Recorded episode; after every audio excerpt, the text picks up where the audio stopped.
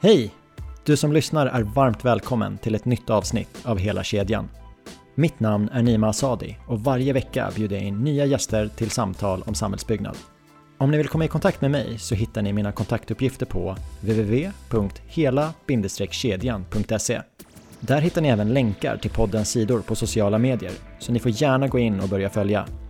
Nu till dagens avsnitt. JM är för mig synonymt med två saker. Hög kundnöjdhet och standardiserade arbetsmetoder. Kundnöjdheten både bekräftas och förklaras i de årliga NKI-mätningarna. Men vad innebär egentligen JMs strukturerade arbetssätt? Jag ville veta mer, så jag bjöd in en person som varit verksam i bolaget i över 35 år och har arbetat i en rad olika roller. Idag är han produktionsdirektör och vi träffades för ett samtal där vi pratade om JMs arbetssätt, hur det gick till när det infördes, hur stor del av processen som idag är standardiserad, lärdomar under förändringsresan, vad förändringen har bidragit till och mycket mer. För mig var detta samtal både lärorikt och spännande och för Gustav var det nog extra kul eftersom att han tidigare har arbetat på JM. Med det sagt hoppas jag verkligen att ni uppskattar samtalet lika mycket som jag. Låt mig presentera Anders Wimmerstedt.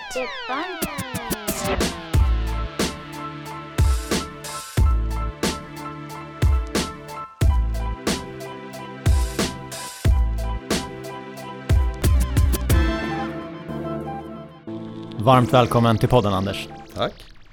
Vi sitter på JMs huvudkontor i Frösunda med utsikt över mina gamla hoods, Ulriksdal. Mm. Vi har småsnackat lite innan och du nämnde att du har varit på JM i 36 år. Ja. Vad har du hunnit med under den tiden? Åh, vad har man hunnit med på 36 år? Ja, jag är ju från Uppsala, så dels har jag ju varit eh, nästan, ja, jag har varit 24 år i JM i Uppsala innan jag kom till Stockholm. Och när jag jobbade i Uppsala så provade jag ju på, dels har jag varit ute länge i produktion, jag var ute sex år.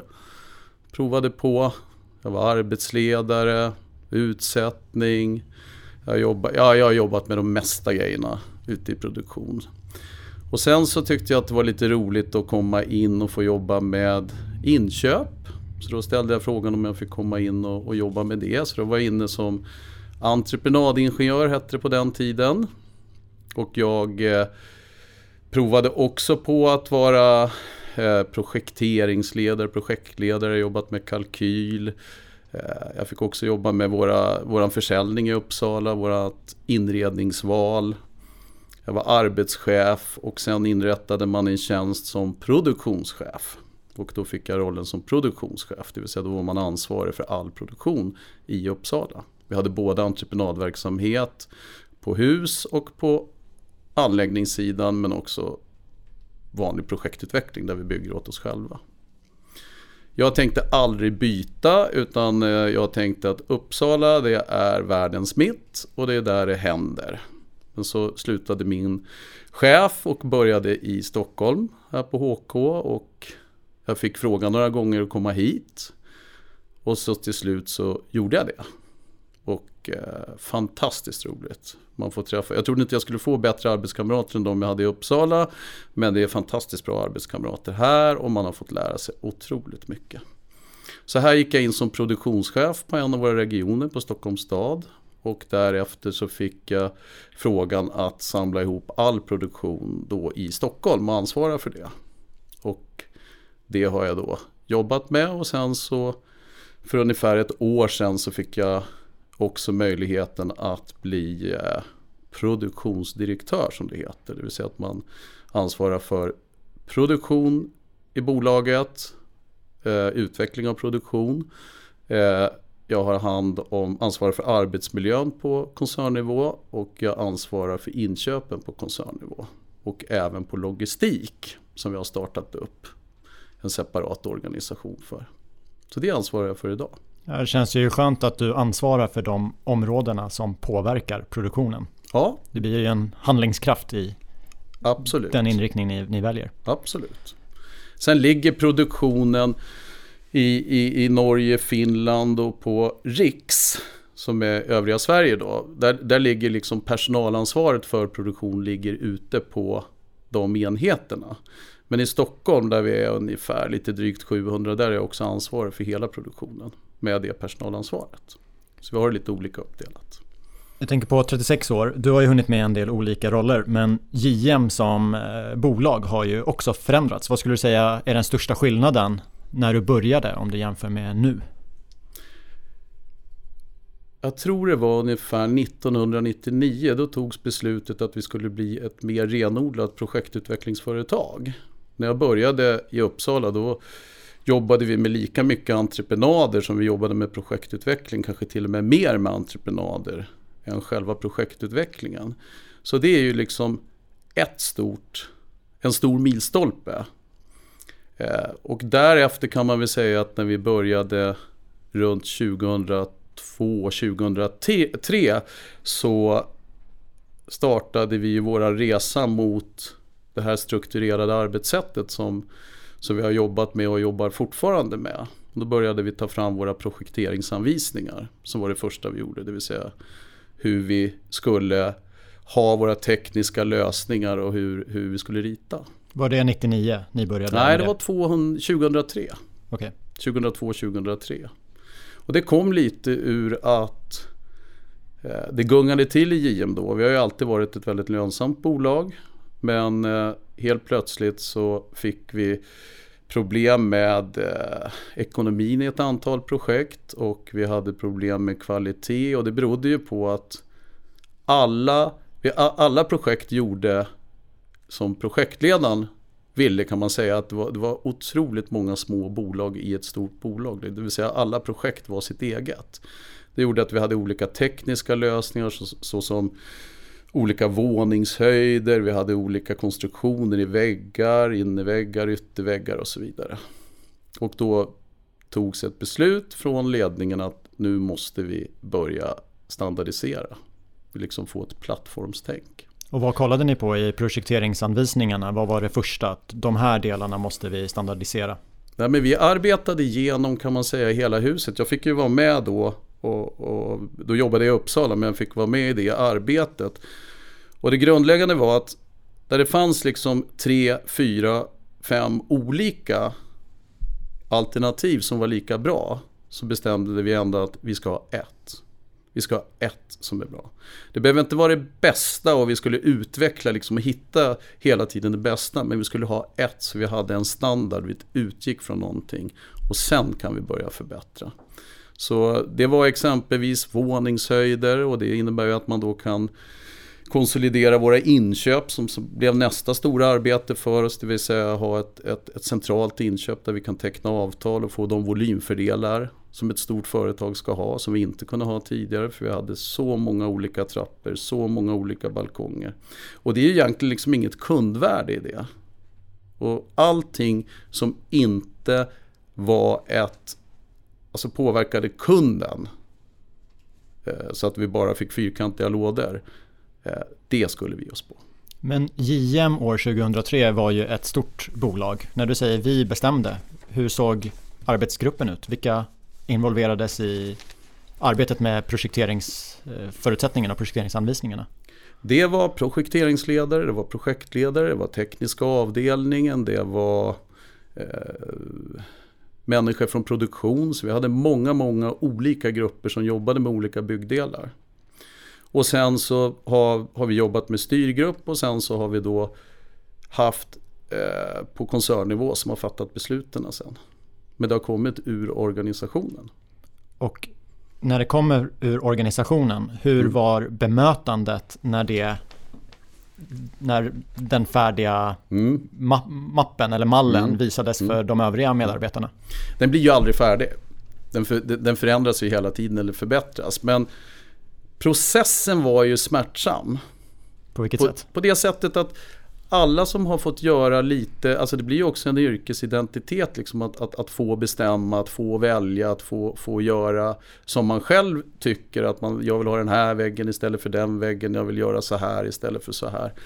Eh, och det är klart att för de som jobbade med projektutveckling då så tror jag att det var, det var jobbigt för många.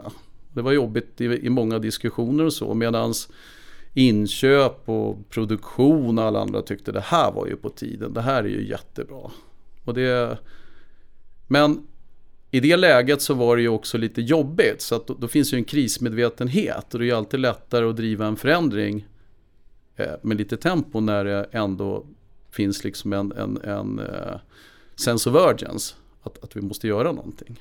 Jag tänker när det kommer en förändring som, som är ny mm. så kan man ju få en del olika reaktioner. Dels ja. oj vad, vad bra det här är. Men ja. man kan ju också få jag slutar. Man ja. kan få äh, men vi kan inte göra på det sättet i det här projektet så vi gör avsteg. Eller så kan man gå och buttra och mm. dra ner stämningen. Mm. Vilka delar upplevde ni här? Alla. Hur handskades ni med dem? Nej men jag tror att Först så måste man ju kunna vara väldigt duktig på att förklara varför man gör det. Och på något sätt när man har gjort det och, och, och, och jobbat med förändringsprocessen så kommer det alltid finnas en hel del kvar av det här. En del saker läker ut med tiden. Men jag tror också att man som företag måste ändå vara tydlig för att om man inte vill jobba på det sättet då tror jag att man också ska byta företag och det är inget fel i det. Utan då, då tycker man ju att jag jobbar hellre på det här företaget där jag får jobba på det sättet. Så det var väl ungefär att vi, vi, vi satte vårt spelsystem då. Och det spelsystemet bjöds väldigt, väldigt många in i och har fått vara med och påverka och utveckla. Och, och, och sen om man då inte tycker det är bra, ja, då spelar man ju ett annat lag någonstans. Och det, jag tror att man måste ha det modet också, att acceptera att det, det kommer slutna individer, det kommer vara jobbigt och så vidare. Och det, så är det. Men man måste ju också ge förutsättningarna och kunna förklara varför på ett bra sätt. Hur var det i de första projekten? Du nämnde att nej, de här förutsättningarna de lever, de utvecklas. Mm. Hur var det i de första projekten? Var det, gjordes det många avsteg? Eller kom alltså, det nya idéer? Hur, hur var inledningen? Alltså, ett avsteg, alltså man kan ju söka ett avsteg. Dels kan man ju söka ett avsteg. Vi, har, vi kunde exempelvis i våra projekteringsanvisningar definiera att takfoten ska vara kommer inte ihåg om det ska vara 30 cm ut och så vidare. Och så kunde det ju vara kanske plankrav på att man inte skulle ha takfötter överhuvudtaget eller vissa taklutningar och så vidare. Och det är klart, då, då får man ju avsteg.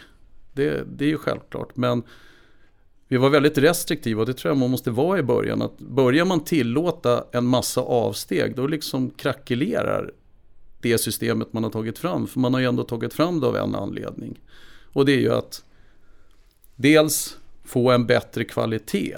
För det är för mycket kvalitetsavvikelser. Om man, gör, om man aldrig blir bra på att göra en sak utan man gör nya saker hela tiden. Då får man också kvalitetsproblem. Och till syvende och sist så, så vi finns ju till för kunden. Inte för oss själva utan för kunden. Och får vi läckage och vi får problem i många projekt, då är inte det bra. När ni tog upp anledningarna till att börja standardisera, ja. så ek ekonomin hade ju fått sig en liten eh, törn. Mm. Eh, du är inne på läckage nämnde du, men jag mm. tänker på garantikostnader. När man ja, det är ju garantin. Ja, men när mm. man tar upp eh, olika faktorer som här kan ja. vi bli bättre. Mm. Ibland känner ju sig vissa utpekade och ja. så börjar man peka på varandra. Mm.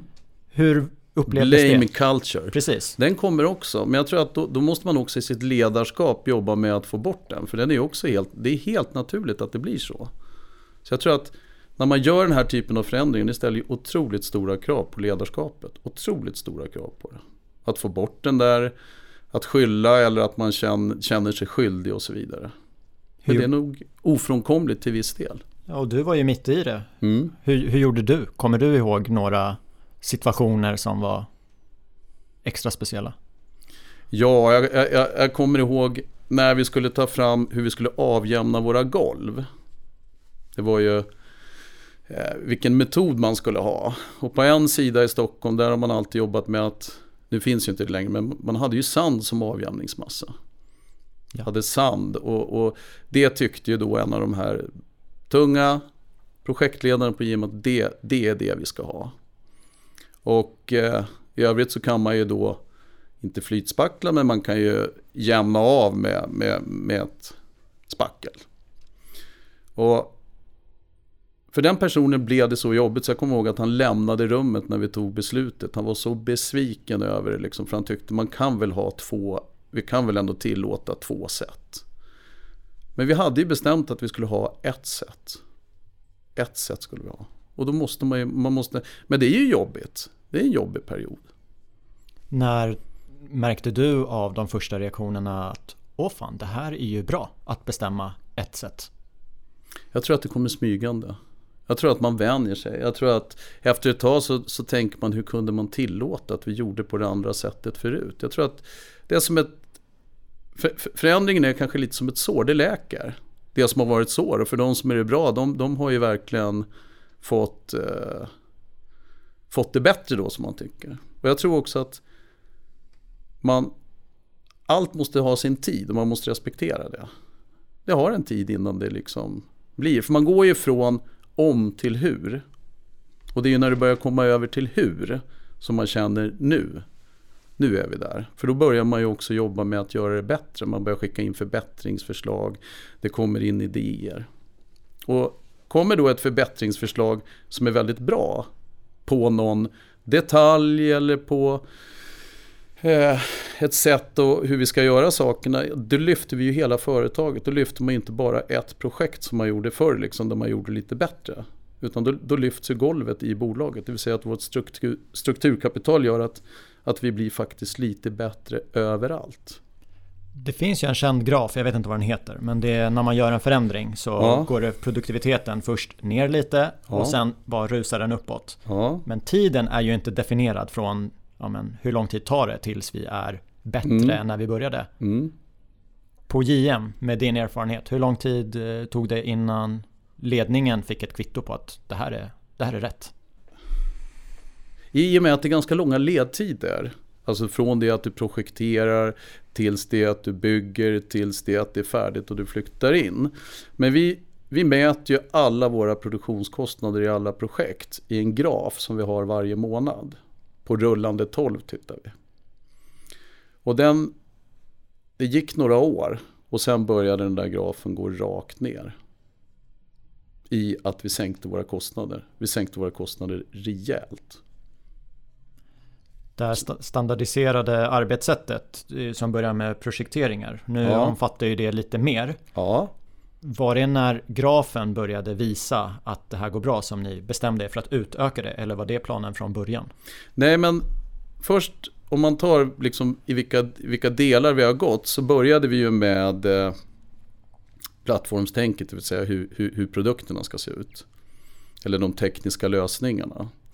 När man har gjort det då kan man ju också Eh, starta upp ett centralt inköp, vilket vi gjorde. Alltså vi, vi kan då helt plötsligt gå från det här massa småföretag till ett stort företag där vi kan konsolidera våra volymer.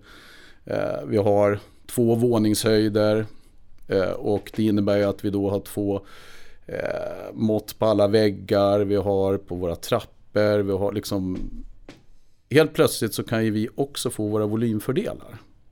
Och då var det ju en, en process. Från att det här var färdigt så gick processen över och så började vi jobba med våra inköp.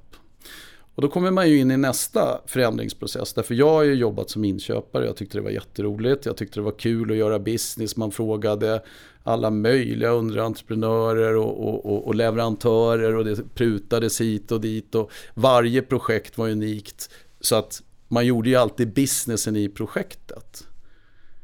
Och så helt plötsligt så skulle man ha ett centralt inköp där man skulle plocka hem de här eh, volymfördelarna, vilket man har gjort på ett fantastiskt bra sätt tycker jag, de som, som startade upp och drev det.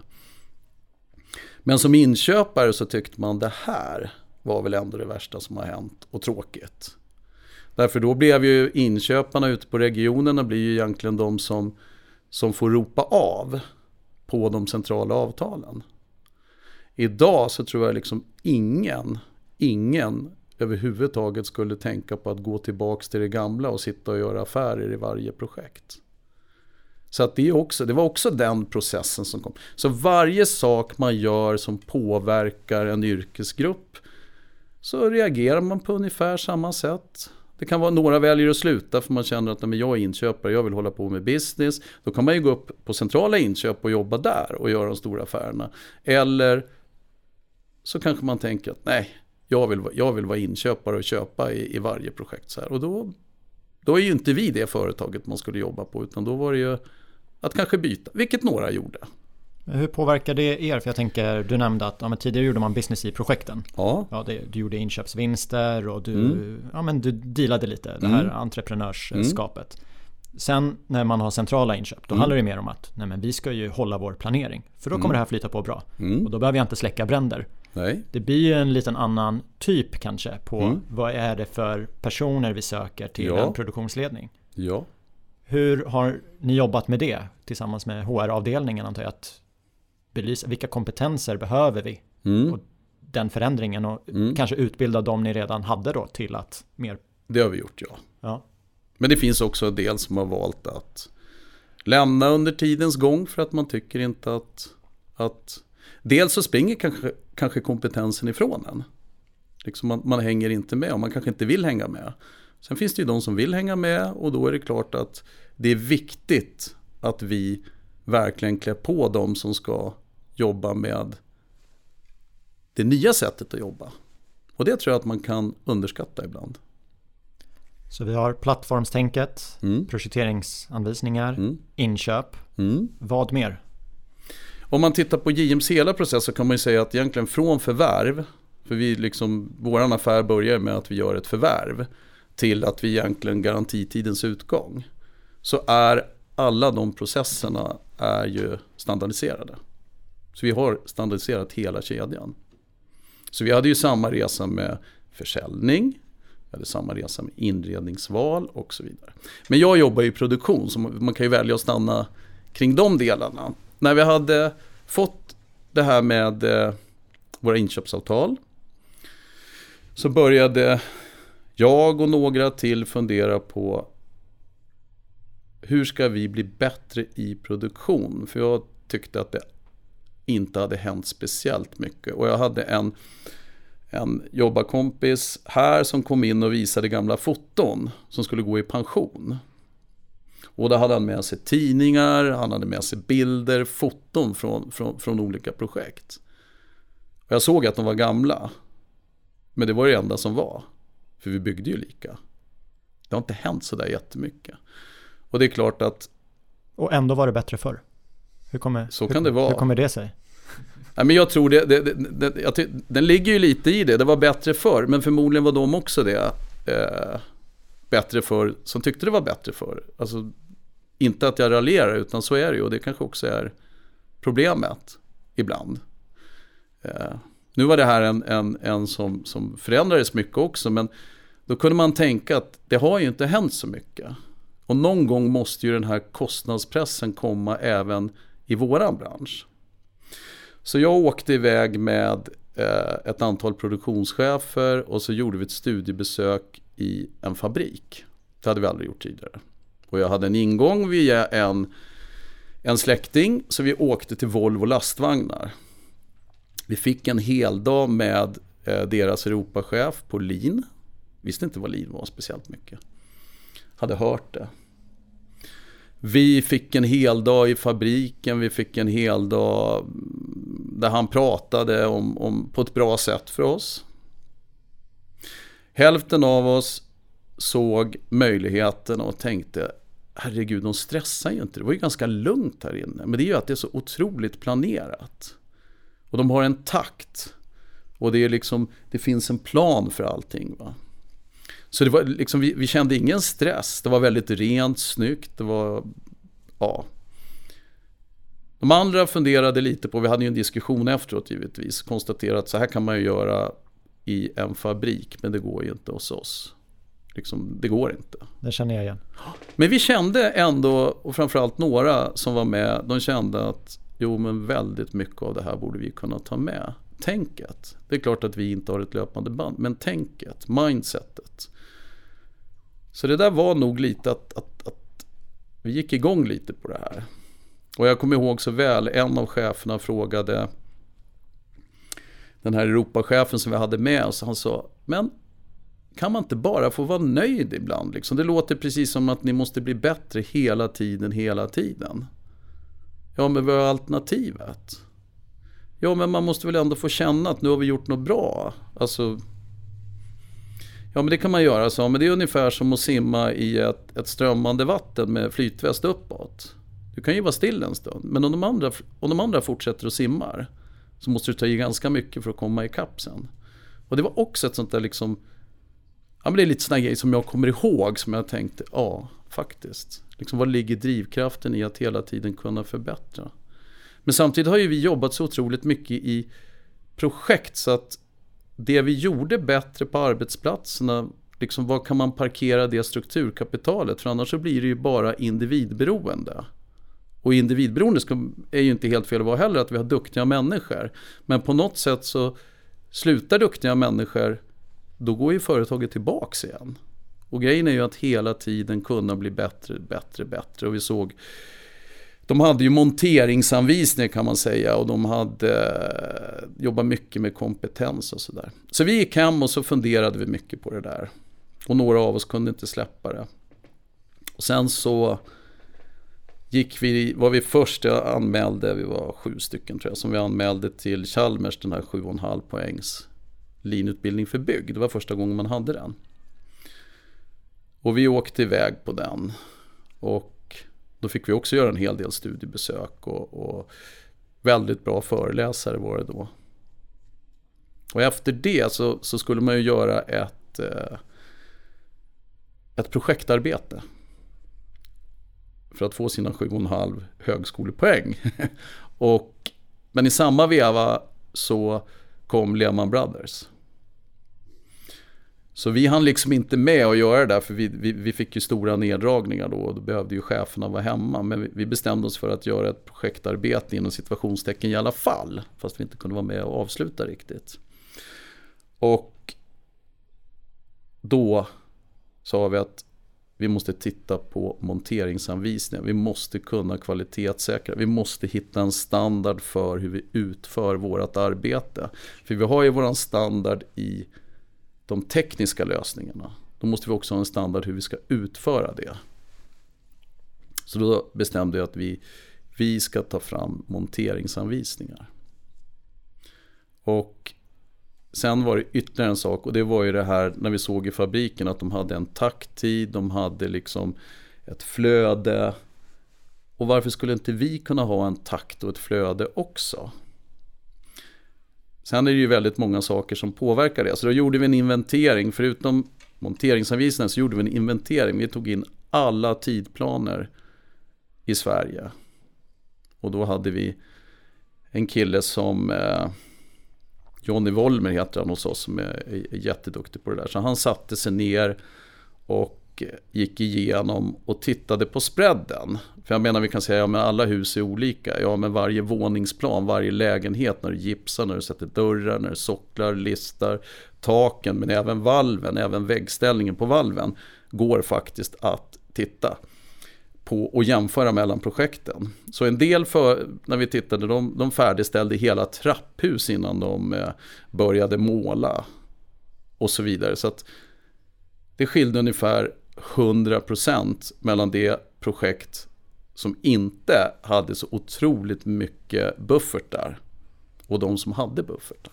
Bara på den invändiga cykeln eller på? Ja, på hela projektet. På hela. Men det är ju väldigt mycket. Ja. Och så började vi, vi, när vi gick den här utbildningen, då fick man lära sig, men det tog lite tid för mig i alla fall, det var ju att de jobbar ju inte med kostnaden, de jobbar med tiden, för tiden är kostnaden. Och man ska alltid jobba med kostnader, så inte det jag säger. Men just det där att tiden är kostnaden. Vi har våra fasta kostnader oavsett om vi bygger eh, eller och, och, tar det dubbla tiden så har vi fortfarande fasta kostnader på etableringar, vi har kostnader på arbetsledning, vi har... Eh, och vi tittade också och kunde konstatera att vi har oftast planerat våra tidplaner från att ja, men, vi är 15 man och så, så ritar man en tidplan utifrån att man är 15 man.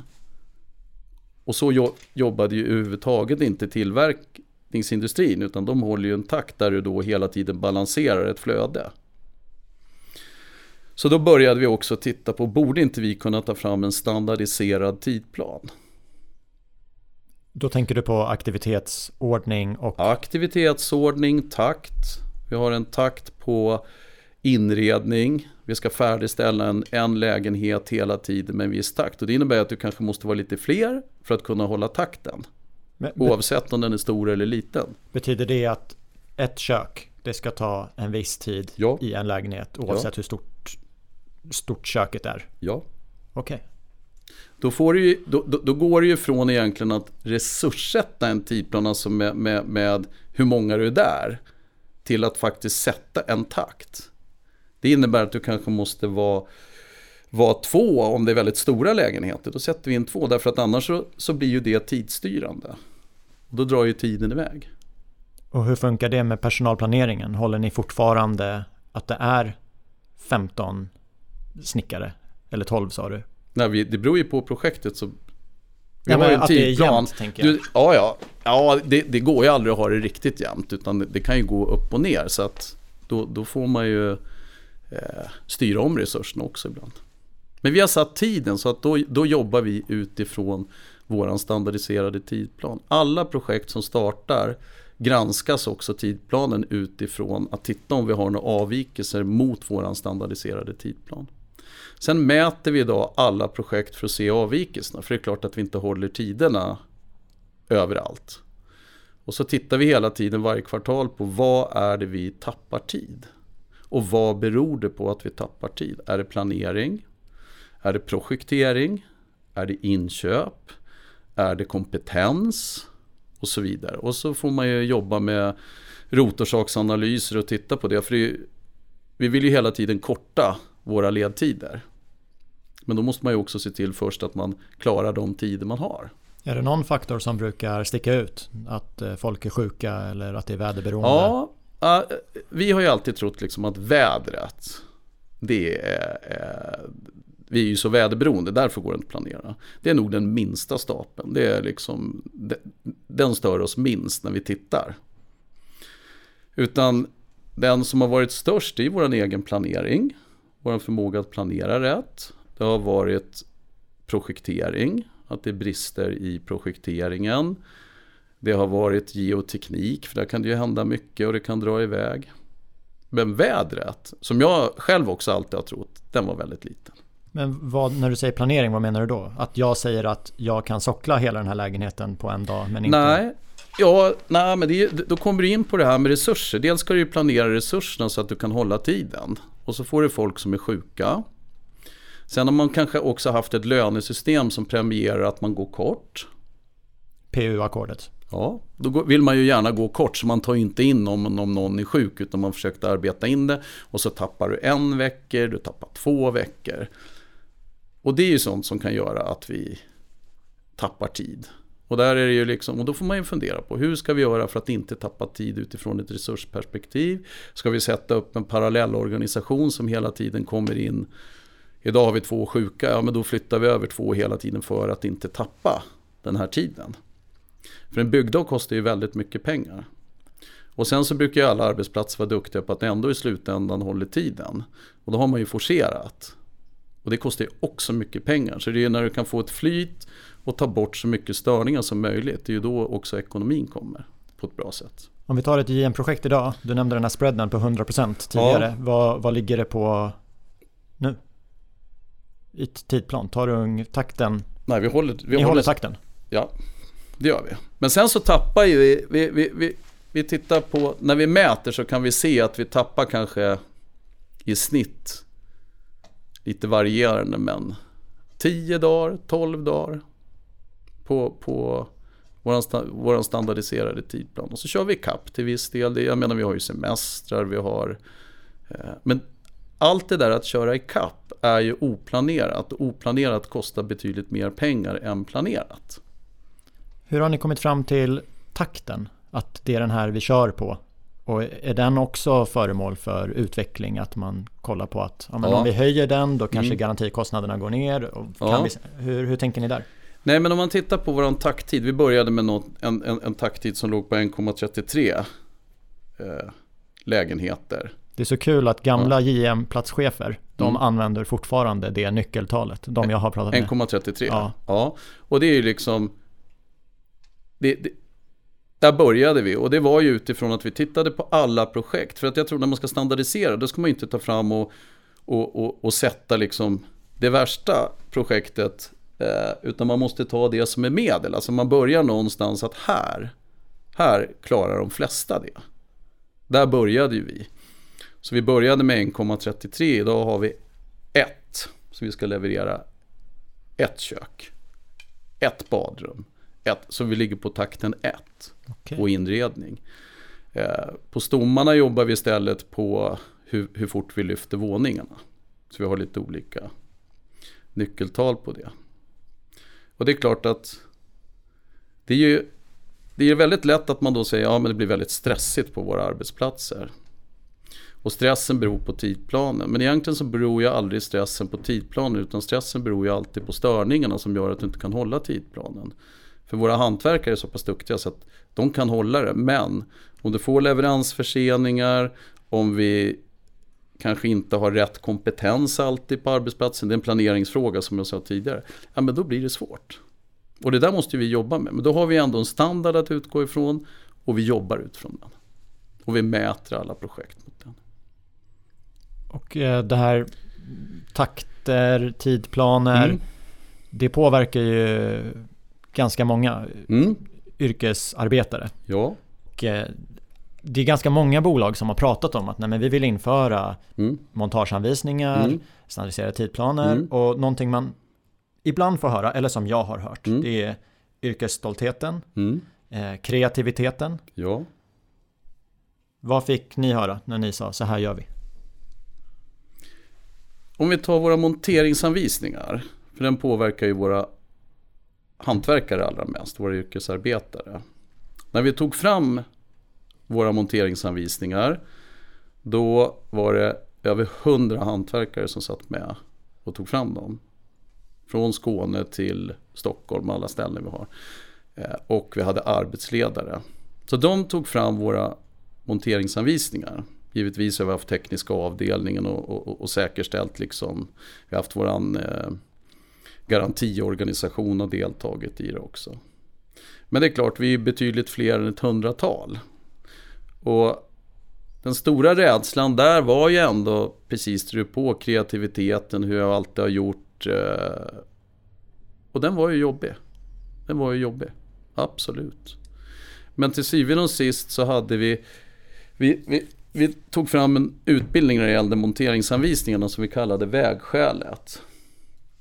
På något sätt så hade vi en vecka där vi utbildade, vi hade en nedgång då, det var, jag tror det var under Lehman Brothers, så hade vi nedgång och istället för att säga upp personal så satsade JM på att utbilda all sin personal, så vi behöll alla. La ner ganska mycket pengar på det. Eh, och då hade vi bland annat vår garantiavdelning har en hel dag som visade just när man är väldigt kreativ. Vad som kan hända, hur det ser ut i en lägenhet när vi går in och river den. När vi inte riktigt har lyckats. Och följer man en monteringsanvisning då ska det ju också bli rätt. Det var nog det som fick mest genomslag för att när vi startade den utbildningen så var egentligen målet som jag satte för utbildningen, eller inte jag utan vi satte för utbildningen, jag och, och de medarbetarna jag hade. Det var ju att jag ville att alla skulle förstå varför. Varför gör vi det här? Och då, då liksom har vi lyckats. Inte att alla måste tycka om det. Men att man ska förstå varför. Och sen så får ju var och en bestämma att ja, men jag vill inte det här. Eller jag, jag vill det här. Och vi hade också en bild i slutet där det var ett vägskäl där man då Ja men JM åker åt det här hållet nu. Och de som inte vill, de får ju då faktiskt göra någonting annat. Då tyckte jag att vi också hade gett alla förutsättningarna faktiskt att förstå och vara med. Och några valde att sluta. Och det som är så roligt är att de flesta har kommit tillbaka. Så de tyckte det var väldigt bra ändå när man hade jobbat med det. Och det tycker jag är roligt. Och några kommer inte tillbaks. Och de var också väldigt duktiga och det respekterar jag. Och de vill inte jobba så. Det, så får det ju vara. Gustav som sitter med under poddinspelningen och han är Mm. även med idag. Han var ju faktiskt på IM under den här tiden som Mm. snickare. Så Mm. jag tänkte bjuda in Gustav i samtalet. Hur upplevde du det här och hur gick snacket? Jag kommer ihåg att eh, det var ju många funderingar på arbetsplatsen. Framförallt när man blev inbjuden till de här utbildningarna vi precis har pratat om. Eh, liksom vad, vad kommer det här leda till egentligen? Sen var det många som kanske kände sig besvikna över att de inte var med i utvecklandet av monteringsanvisningarna. Men ändå var det många som hade tackat nej, för jag vet att det var många som fick förfrågningar också. Eh, det kan jag ju säga. Ehm, Sen liksom det här, man var ju så himla rädd för att alla de här knepen man hade lärt sig under åren skulle försvinna. Eh, och liksom ens kreativitet skulle försvinna. Att man liksom skulle bli som en robot mer. Så gick ju snacket och så upplevde jag det ute på bygget. Mm. Eh, Det är kul att det är första tanken att nu blir jag av med mina knep. Inte sen, nu ska jag ta till mig den kollektiva kompetensen Ja. som finns. Men sen kommer jag ihåg eh, när man väl fick komma på de här utbildningarna. Jag kommer ihåg att det var någon föreläsning först. Eh, och ni berättade, så här var det. Jag vet inte om du var med på just den jag var på Anders, men det kanske det var. Mm. Och sen så fick vi även gå in och göra olika tester. Vi fick bygga ihop saker.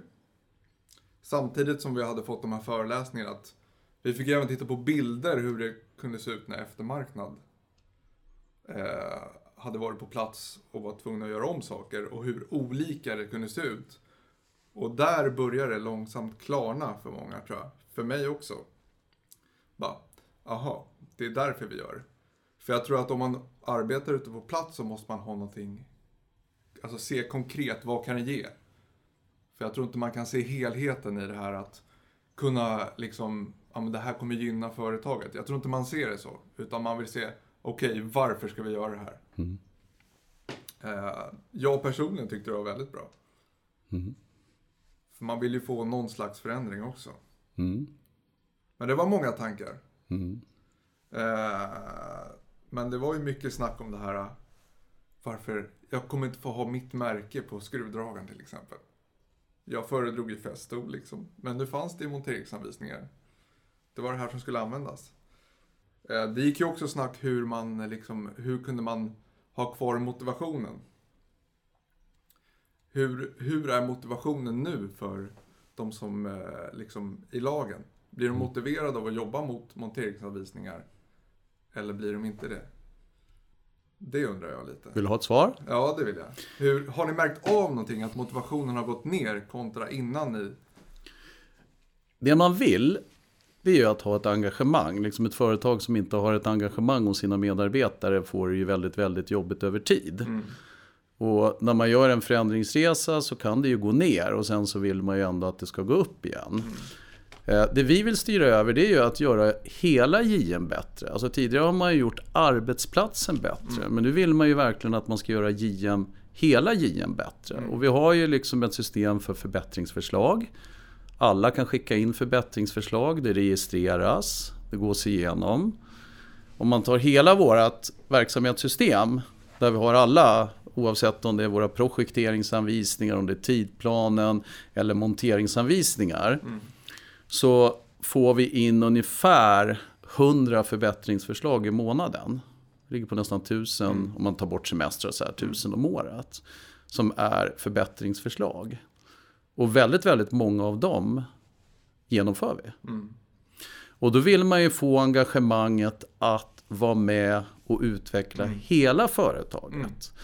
Men återigen så har ju varit väldigt, väldigt projektorienterade, väldigt, väldigt lagorienterade. Och nu går vi över och försöker bli processorienterade. Även om vi ska ha kvar våra projekt. För projekten är det viktigaste vi har. Det är ju där vi har eh, våra kunder och våran, våran eh, utkomst. Men eh, där tror jag att vi måste fortsätta jobba. Fortsätta jobba med att få engagemanget att hela tiden vilja lämna in, förbättra. Mm. Jag tycker en av de sakerna som jag ändå har försökt framföra det är ju att JM har ju valt att ha egna yrkesarbetare. Jag tror ju liksom att det är, det är grunden för att lyckas med de delar vi gör i produktionen. Det finns ju många andra konkurrenter som köper bort mer och mer och, och, och tar in andra bolag mer och mer. Och då tror jag att man tar bort möjligheten till utveckling. Mm. Så att på det sättet tror jag att man blir ju väldigt vi blir ju också väldigt beroende av våra yrkesarbetare för de kan våra system, hur vi jobbar och, och, hur, och det gäller både tjänstemän och så vidare. Så att på det sättet så, så vill man ju också att kanske våra hantverkare som har varit de som har varit i snitt kanske lite mer eh, fundersamma på, på, på den här förändringen. Mm så är det ju ändå att vi jobbar väldigt mycket med att, att inte behöva säga upp folk. Vi försöker hitta lösningar. Vi kan utbilda som vi gjorde tidigare när vi har nedgång. Vi trodde att vi skulle ha en nedgång nu. Då tittar vi på ett utbildningspaket igen när det börjar bromsa in. För att liksom kunna behålla, därför att de får ju också en väldigt fin kompetens som vi behöver i att kunna våra monteringsanvisningar. Tar vi in nya, då måste vi ju hela tiden utbilda och, och få med. Och det, det, borde också kunna ge en trygghet över tid. Det har varit tyst ett tag. Jag har massa frågor. Mm. Ja, bra. Då kanske jag sätter igång det. Jo, jag tänkte på, ni båda nämnde att eh, under de här vägskälet mm. så visades det upp bilder från eftermarknad. Mm. Hur, hur har de här nya processerna påverkat garantikostnaderna? Garantikostnader, vi satte upp ett mål att vart fjärde år ska vi halvera våra garantikostnader. Och eh, vi har halverat våra garantikostnader.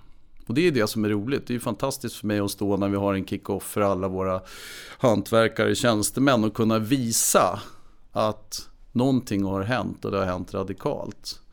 Eh, vi har inte inträngande vatten eh, på det sättet vi har haft tidigare. Vi har inte vi har fortfarande alldeles för mycket kvalitetsbrister tycker jag. Det, det liksom, där måste vi jobba, jobba, jobba, jobba med att få ner det. Men vi har dock halverat våra eh, garantikostnader. Det tycker jag är fantastiskt och det har vi gjort i en högkonjunktur där vi har fått anställa mycket folk för att vi har ju också växt och fått fler starter. Men i och med att vi jobbar med våra system, alltså hela den här Alltså från förvärv till, till eh, vi, vi lämnar över efter garantitidens utgång. Så blir vi väldigt robusta. Alltså vi, vi, vi blir inte lika, lika extremt personberoende.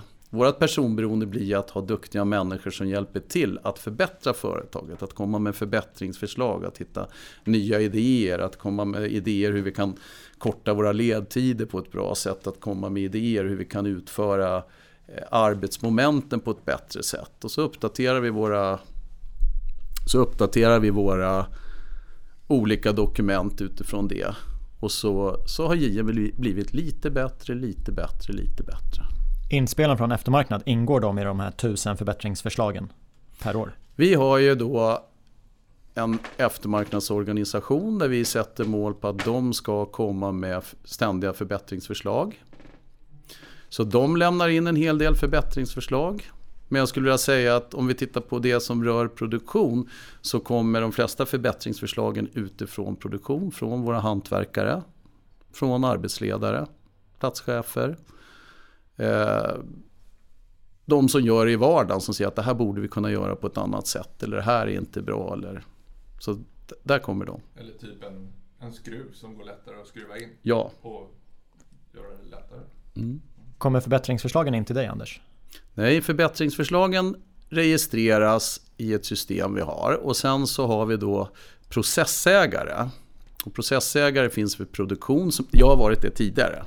Men vi har processägare produktion, vi har processägare för försäljning, vi har någon som också heter produktutveckling. Har vi, det vill säga det kan ju vara att vi vill ändra på våra projekteringsanvisningar. De får ju de här förbättringsförslagen och så registreras de. Sen har vi, om vi tar våra monteringsanvisningar, så har vi ett antal förbättringsgrupper som består av hantverkare och som består av arbetsledare. Men det är övervägande delen hantverkare, de som gör det på dagarna. Och då går de igenom, de träffas, nu tror jag att de träffas varannan månad de här grupperna. Om det är stomme eller om det är inredning så, så har vi lite olika grupper. Och de säger vi, det här förslaget bifaller vi eller det här förslaget tycker vi egentligen inte är en förbättring utan det är mer en förändring. Och därefter så har vi en eh, ledningsgrupp som kan fatta det beslutet då att vi avslår eller vi går på det här. Och sen förs det in i vårt verksamhetssystem. Så tusen förbättringsförslag in och mm. av dem så är det ju kanske en del dubbletter. En ja, del är, det. är, eh, tyckande, alltså ja. en förändring. Ja. Det kan vara förändringar eller förbättringar som redan ja. har genomförts. Ja. Men, ja. Hur många av de här tusen leder till genomklubbade förbättringar? Jag gick in och tittade på de tre senaste åren har jag tittat på hur det har, har sett ut. Och jag skulle säga att Vissa blir ju längre utredningar för att, att bara gå in och ändra kan ju få väldigt stora konsekvenser. För det kan ju vara ett förbättringsförslag på en monteringsanvisning kan ju påverka en projekteringsanvisning. Det innebär ju att den måste ju i så fall till eh, vår produktutveckling för att titta och tekniska avdelningen för att se att, att, att vi inte drar på oss problem. Det kan vara att vi måste göra testprojekt också utifrån det. Eh, men säg att vi har i alla fall 60% genomför vi. Det är högt. Ja, vi har duktiga medarbetare också. Ja, det Men det är så. 60 procent.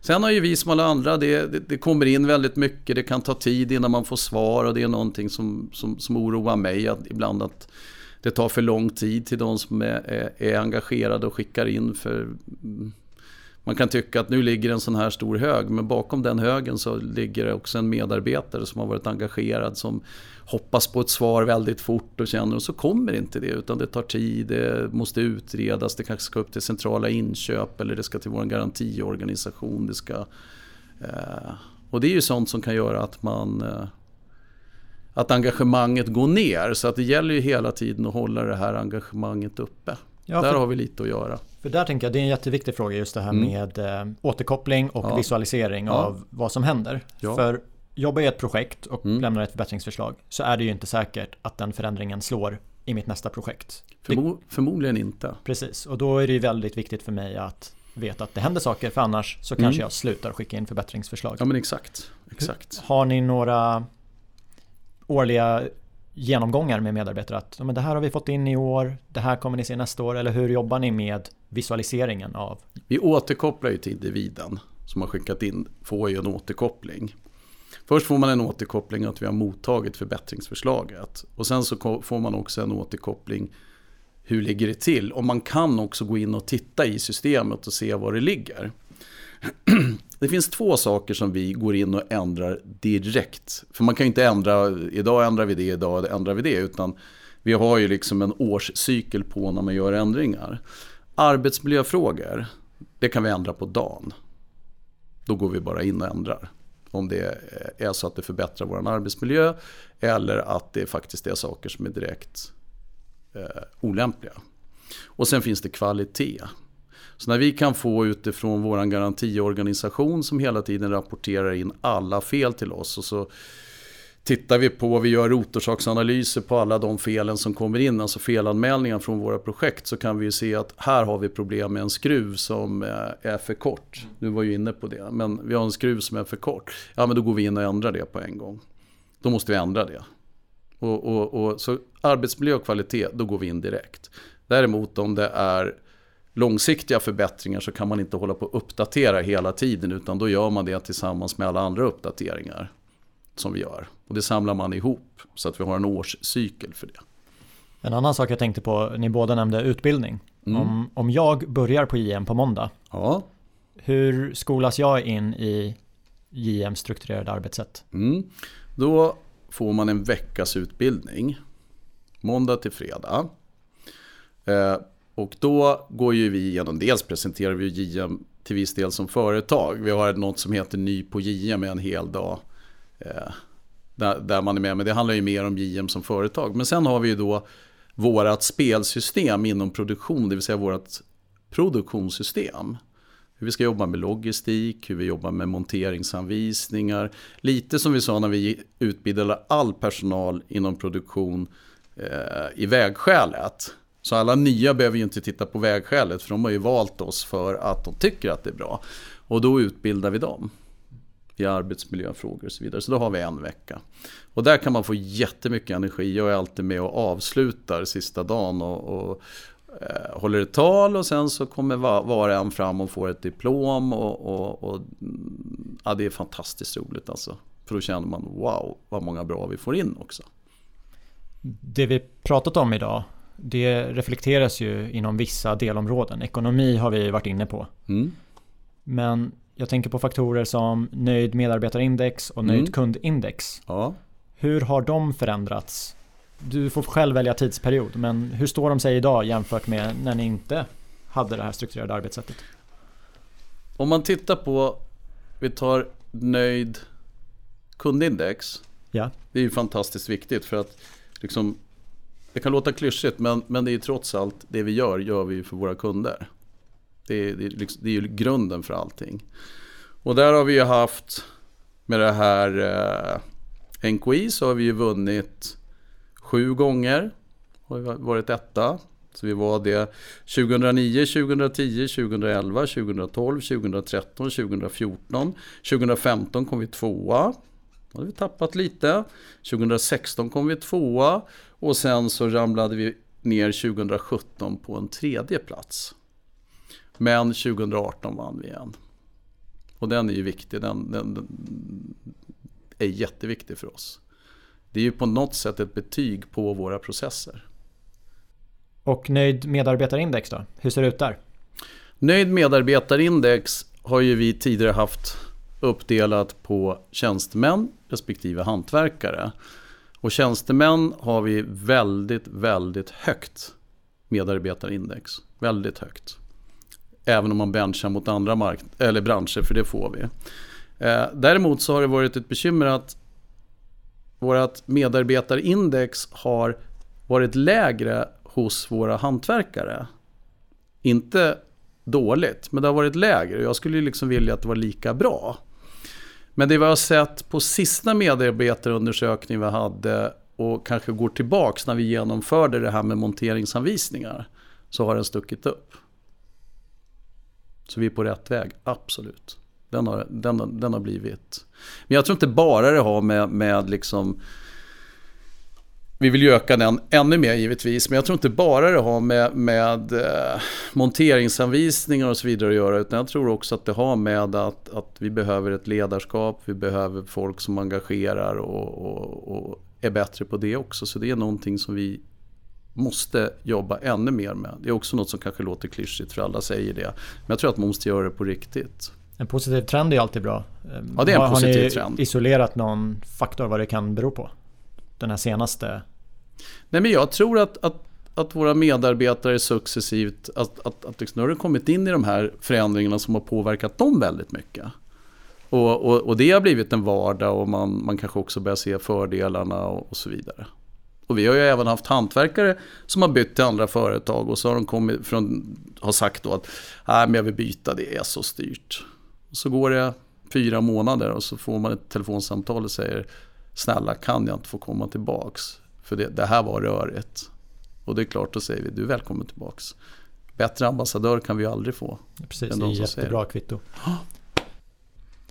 Visionen framåt tänker jag på. Mm. Ni har ju lyckats åstadkomma en jätteförändring. Mm. Och eh, jag har jobbat i åtta år i branschen och fått, alltid fått höra att nej men JM är riktigt duktiga på att bygga bostäder. JM har ett bra standardiserat arbetssätt. Mm. Visionen framåt, hur ska ni toppa det som ni gör idag? För det första så har vi ett system på plats. Om vi då jobbar med de här förbättringsförslagen som jag sa, om vi får, får in tusen förbättringsförslag om året. När det är kvalitet på dem och det är riktigt bra, då blir ju vi bättre precis hela tiden. Har man också ett strukturkapital, det vill säga att varje förbättring kan du placera så det stannar inte ett projekt utan det, det blir faktiskt att botten i JM lyfts hela tiden. Ja, då vill det till om man ska springa ikapp det. Men sen har vi ju utmaningar med digitalisering. Eh, tror att vi jobbar med, vi tittar på ett PLM-system framåt. Det är en stor utmaning. Sen så har ju vi också börjat titta på att om man tittar på produktion idag och så har vi haft och tittat på vad gör en arbetsledare, arbetsledare på dagarna. Och vi har jobbat med eh, ett forskningsteam och tittat liksom vad lägger jag tiden på dagarna och vi har mätt tillsammans med dem. Det är givetvis folk som har anmält själva att de vill vara med och så vidare. Och då är vardagen för de som jobbar där ute är ju väldigt, väldigt splittrad. Från att jobba med inskrivning av, av leverantörer till att jobba och ta emot material till att och vara ute och titta på kvaliteten till att gå skyddsronder. Alltså det, det är väldigt, väldigt splittrat. Och när vi har gjort våra studiebesök, om man tittar på de absolut bästa, och då tittar vi återigen i industrin, så kan man ju konstatera att produktion, de jobbar ju med att producera, att bli riktigt, riktigt duktiga på att producera.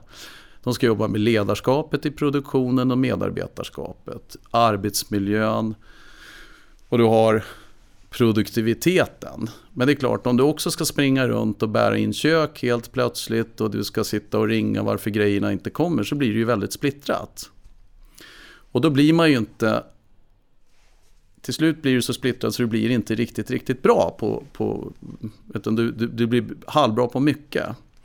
Så den stora delen tror jag det är att dra isär försörjningskedjorna från produktion. Det vill säga att vi har en enhet som är otroligt duktig på att producera och utveckla våra monteringsanvisningar, ser till att vi får betydligt säkrare arbetsplatser och att vi får en bättre produktivitet. Och vi har en organisation som ser till att allt materialflöde, infästningsmaterial, det ska ju bara finnas där för våra duktiga hantverkare. Idag så går ju våra hantverkare till viss del kanske och letar grejer, bär in grejer och det är ju ett slöseri. Vi har ju startat upp ett eget bolag som heter JM Supply. Så vi bär in material på kvällstid och det rullar vi ut nu i hela bolaget. Och vi har anställt ett antal personer, givetvis inte från byggbranschen utan från andra branscher som nu jobbar med logistik. Så att vi kan få in våra avrop och våra, eh, våra materialförsörjning utan att våra arbetsledare och våra platschefer och våra arbetschefer ska behöva hålla på med det. Utan de ska fokusera på att vi levererar en tipptopp kvalitet, tipptopp arbetsmiljö och att vi ökar vår produktivitet. Det låter jättespännande. Jag tänker, vem tackar nej till sådana förbättringar? Nej, och jag tror väldigt mycket på det. Men det är också som allt annat är det lite... Det är alltid någon, några som känner sig hotade och så, så det är också en förändringsprocess. Det är ju så. Men, men det tror jag är, fortsätta, fortsätta mala i vårat system så vi blir bättre. Tack Anders för att mm. vi fick komma hit och mm. hälsa på dig. Tack så hemskt mycket. It's fun time.